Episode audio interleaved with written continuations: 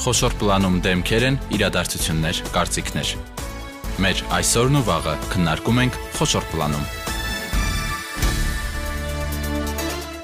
Բարի երեկո, դուք լսում եք Հանրային ռադիոյի երիտասարդական ալիքը։ Այսօր 5 շաբթի է եւ ավանդաբար 5 շաբթի երեկոյան մենք ձեզ հravirում ենք հանրային քննարկման։ Տեղյակ եք, որ վերջին արդեն 2 շաբաթը Հայաստանում մեկնարկել են պատվաստումները կորոնավիրուսի դեմ, այժմ 3 պատվաստանյութ է հասանելի՝ Sputnik V, AstraZeneca եւ չինական կորոնավակը, եւ ցավալիորեն աշխարհի զարգացած երկրներից եւ նաեւ տարածաշրջանի մեր երկրներից մենք մի քիչ հետ ենք մնում պատվաստումների տեմպով։ Ինչու է այդպես եւ ամենակարևորը ինչու է պետք պատվաստվել։ Հենց այս թեման այսօր խոշոր պլանում կքննարկենք հիվանդությունների վերահսկման եւ կանխարգելման ազգային կենտրոնի իմունականխարգելման եւ կառավարելի վարակիչ հիվանդությունների համաճարակաբանության բաժնի պետ Սվետլանա Գրիգորյանի հետ։ Բարև ձեզ, Սվետլանա, շնորհակալ եմ, որ ընդունեցիք մեր հրավերը։ Մեր տաղավարում է նաեւ վարչապետի աշխատակազմի հանրային կապերի եւ տեղեկատվության կենտրոն ՊՕԱԿ-ի տնտեսական փորձագետ Լիլիթ Կրոյանը։ Լիլիթ։ Բարև ձեզ, շնորհակալ։ Շնորհակալ եմ, որ եկաք։ Լիլիթի հետ արդեն ավելի խոսենք պատվաստումների տնտեսական օգուտների մասին։ Ընկերներ, առաջին հարցը դուք պատվաստվել եք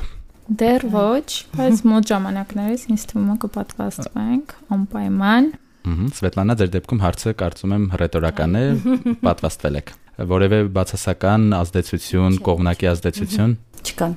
Պարզ հարցը ձևակերպենք, Սվետլանա, ինչու է պետք պատվաստվել։ Ինչով է այն օգնում, այն թույլ չի տալիս հետագայում վարակվել, թե թույլ չի տալիս վարակը փոխանցել, թե մահվան դեպքերն է կանխում։ Ընդհանրապես վարակիչ հիվանդությունների դեմ պայքարում առանցքային դեր ունեն պատվաստումները։ Կորոնավիրուսային հիվանդության առումով էլ բացառություն չէ։ Կորոնավիրուսային հիվանդության կանխարգելման միջոցառումներում առանցքային դերը պատվաստումներինն է։ Եվ այս փուլում իրականացված պատվաստումների դերը հիվանդության ծանր դեպքերի, ծայրահեղ ծանր դեպքերի եւ մահվան դեպքերի կանխարգելումն է, որը 100%-ով ապահովում են այժմ կիրառվող բոլոր պատվաստանյութերը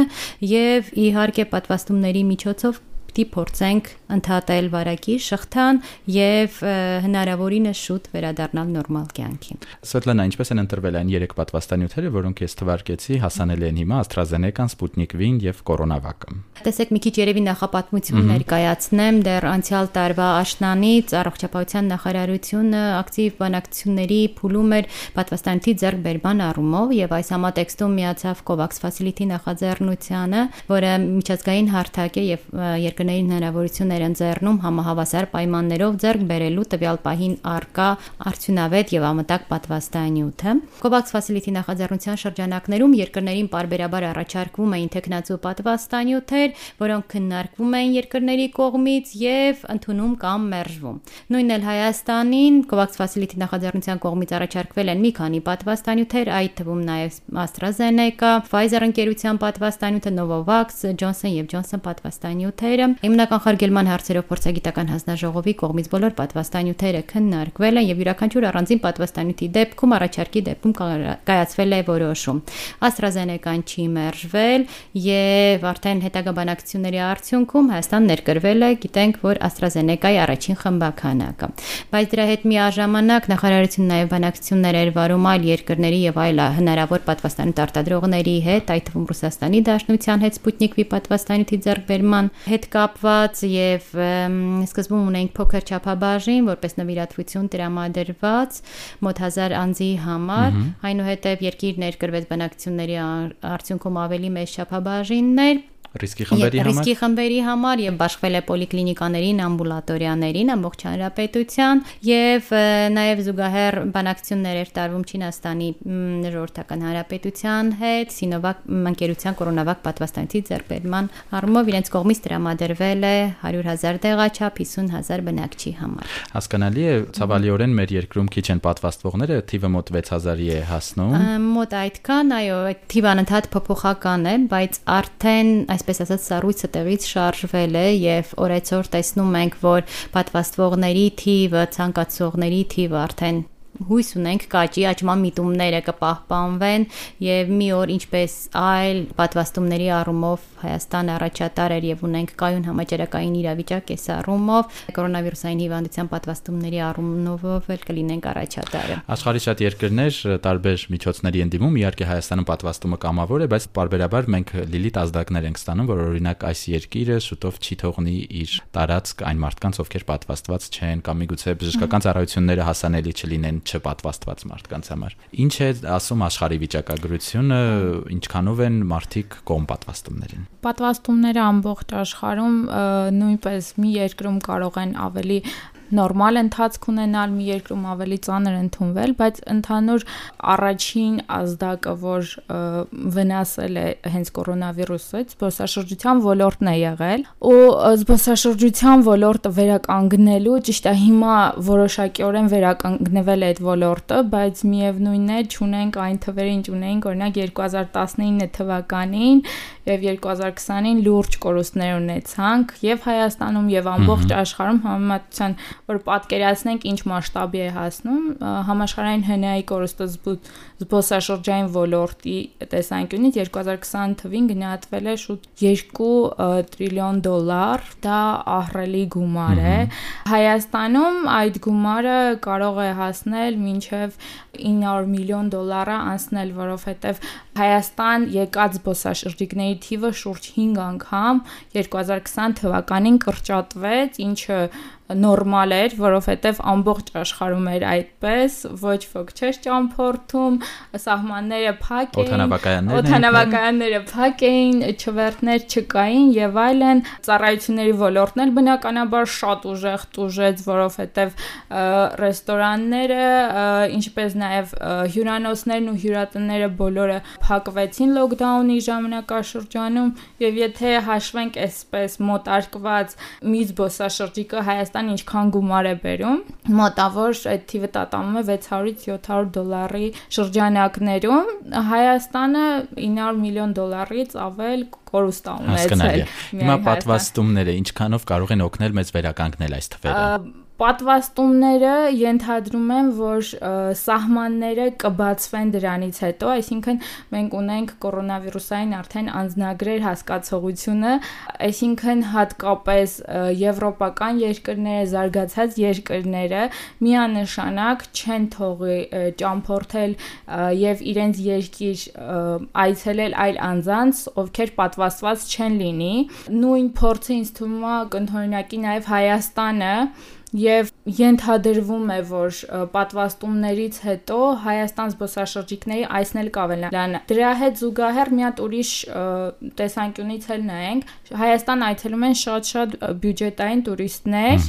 ում համար նույնիսկ այդ թեստի հանձնումը, այսինքն այդ մոտ 30000 դրամը, մանավանդ երբ ընտանիքով է, երբ ընտանիքով են, ինքը բավականին մեծ գումար է, այսինքն ենթադրումը ծախս որը արդեն հետ է կանգնեցնում տվյալ երկիր այցից հայրենիք վերադառնալուց էլ զբոսաշրջիկը էլի պետք է թեստավորվի կրկնակի ծախս հա կրկնակի ծախս է ստացվում ու շատ շատերին ուղղակի հետ է կանգնեցնում չհաշված այն հանգամանքը որ Հայաստանի քաղաքացիները մի շարք երկրներ մինչև հիմա չեն կարող այցելել այսինքն մեր զբոսաշրջային ընկերությունները նույնպես դժում են դրանից միաժամանակ այսպիսի խնդիր Հայաստանի հյուրանոցները այս պահին թեր ծանրաբեռնվածություն ունեն եւ այդ պատճառով ուղղակի հյուրանոցներ կան, որ օրերով չեն բացում, որովհետեւ եթե ինքը ունի ընդամենը 5-ից 10 հյուր, այդ 5-ից 10 հյուրի համար ամբողջ ադմինիստրատիվ ռեսուրսը, հոսանք, գազ, լույս եւ մնացած ծախսերը հոգալը ռեալ չի անիմաստ, այսինքն հյուրանոց ուղակի տուժում է ու դրա արդյունքում փակվում է, աշխատատեղն է փակվում, իսկ պատվաստանյութերի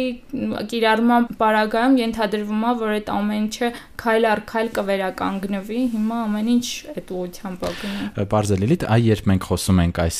համանախապակումներից, որ արդեն Եվրոպան պատրաստվում է միայն պատվաստվածներին թողնել եւ այլն, Սվետլան այստեղ գալիս են դավադրության տեսությունները, որ այս ամենը ահա հենց սրա համար էր, որ մեզ պատվաստեն, չիպավորեն, ամենևին դուրք չտալով այդ հա։ տեսություններին, բայց ամեն դեպքում ինչ որտեղ նաեւ մարդկանց մոտ հիմնավոր է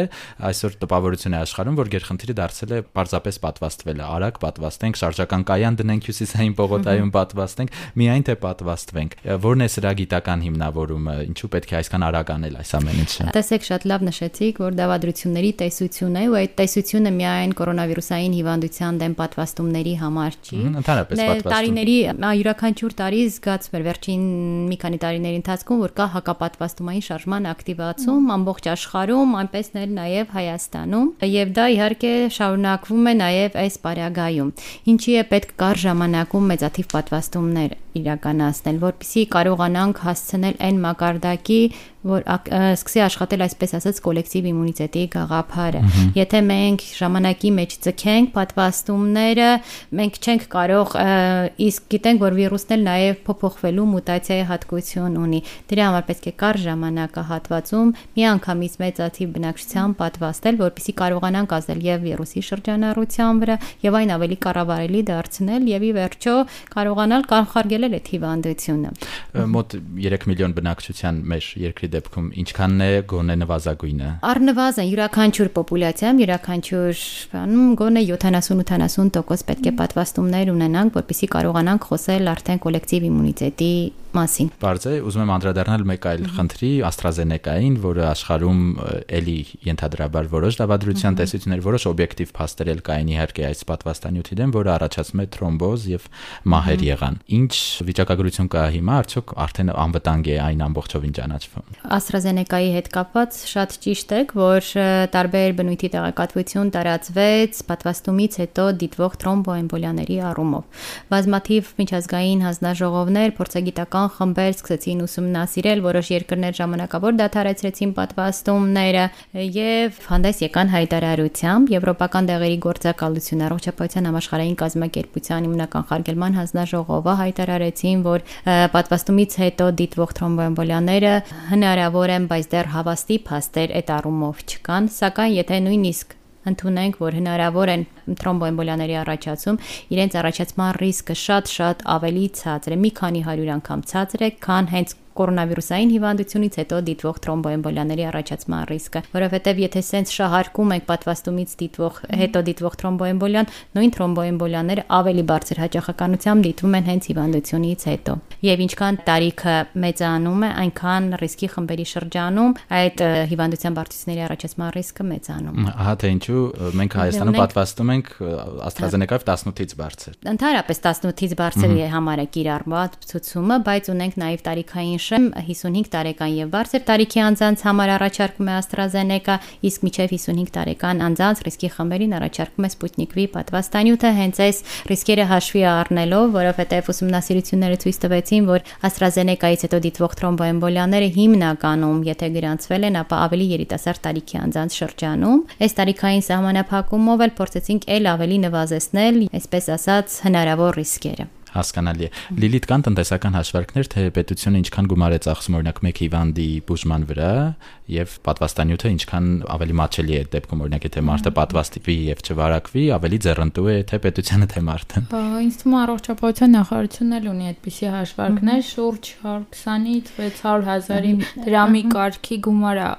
ծախսվում յուրաքանչյուր հիվանդի վրա, եթե բուժվում է պետական աջակցությամբ այսպես ասված, իսկ վակցինան ինչպես ինչպես գիտենք, պետության վրա նստում է 4-ից 8 դոլար գումարած արդեն ծառայության արժեքը։ Այս մի հարցի եմ ուզում անդրադառնամ, թե տնտեսության տեսանկյունից ինչու է կարևոր, որ շատ կարճ ժամանակ տևի վակցինացիան։ Տնտեսությունը ինքը շնչող օրգանիզմ է, յուրաքանչյուր օրը լոկդաունի ցանկացած տեսակ ինքը կլինի ուժեղ լոկդաուն, թույլ լոկդաուն, հակառակը ազդում։ Այսինքն յուրաքանչյուր օր հետաձգելը ինքը ֆինանսական մեծ կորուստներ է ենթադրում։ Աշխարհում էլ ենք տեսնում, որ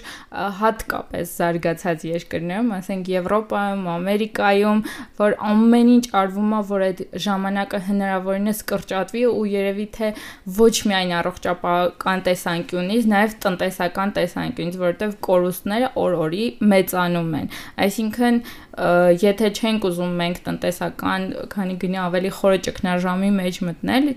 միանշանակ պետք է պատվաստումները ավելի արագացնել զուտ այդ տեսանկյունից էլ եւ իհարկե պետական ծախսի տեսանկյունից էլ այս պահին միանշանակ պատվաստումը ավելի մատչելի է եւ մարդկանց առողջության տեսանկյունից, այսինքն եթե մենք հաշվում ենք ինչպես մեր մյուս զրուցակիցը նշեց, ինչպես հաշվում ենք ինչքան կորոնավիրուսից մահեր ունենք եւ հնարավոր ռիսկը, որ կարող է պատվաստանյութից անհամատեղելի են ուղղակի, այսինքն մեկ օրյա կտրվածքով մենք կարող ենք այնքան մահեր ունենալ ունենալ, ինչքան որ ունենանք ամբողջ ազգին պատվաստելուց հետո, այսինքն միանշանակ պատվաստվելը ավելի գերադասելի է։ Միանշանակ պատվաստումներ ընդհանրապես իմունական խարգելումը հանրային առողջապահության ամենաարդյունավետ, ամենաանվտանգ, ամենածախս արդյունավետ միջոցառումն է, որից այսպես ասած խելամիտ չլինի չօգտվելը, քանի որ այն հիմա հասանելի է Փարքաստո եւ պետք է ճիշտ եւ խելամիտ ձևով կիրառել։ Սվետլանա, այդ դավադրության տեսությունները, որ խոսեցինք,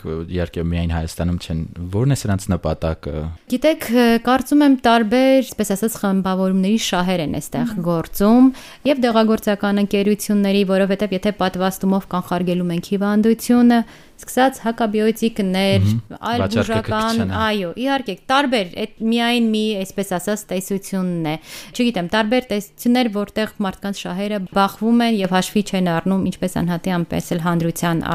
հանրության համար, որն է ավելի արդյունավետ եւ անվտանգ եւ շահավետ զուգահեռ նաև եկեք հաշվի առնենք, որ ինչքան էլ խնդրի առողջապահական լինի, պատվաստանյութ արտադրող ընկերություններն էլ իրանք բիզնեսով են զբաղվում եւ ենթադրվում է, որ ինքը մրցակցային շուկա է եւ տարբեր տեղեկատվական միջոցներով միմյանց վրա փորձում են նաև ցեղ շպրտել, ինչ որ